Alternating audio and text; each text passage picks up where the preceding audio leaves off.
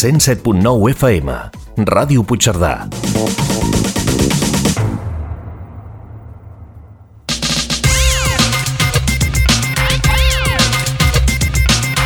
A la sintonia de Ràdio Puigcerdà, els dimarts a les 12 del migdia, Ciència en Colors, presentat per l'Enric Quílez, un programa de divulgació científica i tecnològica.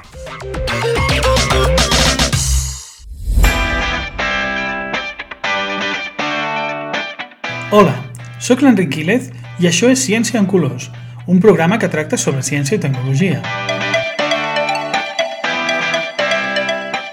Avui tractarem sobre un material de propietats sorprenents del qual segurament haureu sentit a parlar pels mitjans de comunicació. Es tracta del grafè. El grafè és una forma de carboni. Penseu que el carboni es pot presentar de diverses maneres, des del diamant, que és el mineral més dur que es coneix, fins al grafit, del qual estan fetes les mines dels llapis i que es desfà amb facilitat. Sembla mentida que tots dos materials estiguin fets del mateix, tan diferents com són. Hi ha més formes de carboni, però d'això en parlarem un altre dia. El grafè es pot obtenir agafant una làmina de grafit d'un àtom de gruix en forma d'una làmina plana. Aquest material, aparentment tan tou i senzill, gaudeix d'increïbles propietats. L'any 2010 va ser concedit el Premi Nobel de Física a André Geim i a Konstantin Novoselov de la Universitat de Manchester pels seus experiments i treballs que han permès descobrir les propietats d'aquest revolucionari material. El terme grafè va aparèixer per primer cop l'any 1987, però no va ser fins al 2004 que no es va poder aïllar en la pràctica una làmina d'un sol àtom de gruix de grafè. De fet, el mètode per obtenir-lo va ser molt simple, una cinta adhesiva aplicada a una mostra de grafit. Els àtoms de carboni que formen el grafè estan molt fortament lligats. L'aspecte de, la, de la làmina al microscopi electrònic és com d'un rusc d'abelles, amb cel·les hexagonals, els vèrtexs de les quals es troben els àtoms de carboni. Però què el fa tan especial, el grafè? Doncs les seves propietats. Vegem-les amb una mica de detall. D'una banda, tenim les propietats mecàniques. El grafè és el material més dur i fort que es coneix. Supera el diamant i és 200 cops més resistent que l'acer. Suporta enormes tensions sense deformar-se i es pot doblegar fàcilment sense trencar-se.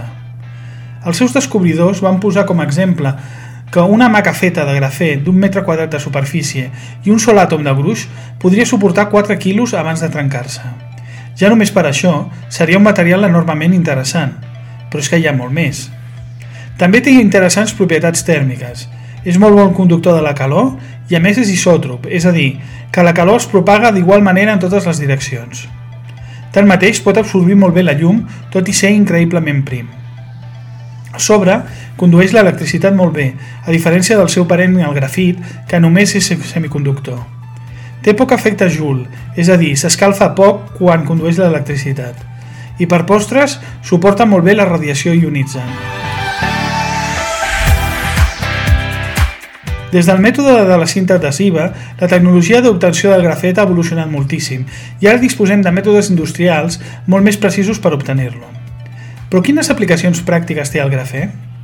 Doncs serveix per construir transistors, circuits integrats, detectors de gas, panells fotovoltaics, pantalles flexibles, condensadors de gran capacitat, desalinitzadors d'aigua, panells antibacterians i moltíssimes coses més. Les seves magnífiques propietats el fan ideal per a múltiples aplicacions.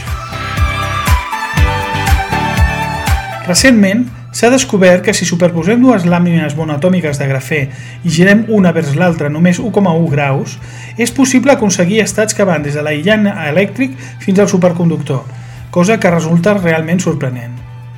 Això obre les portes a la fabricació d'ordenadors quàntics o de trens sense fricció i la investigació sobre el grafè encara continua i ens donarà moltes més sorpreses.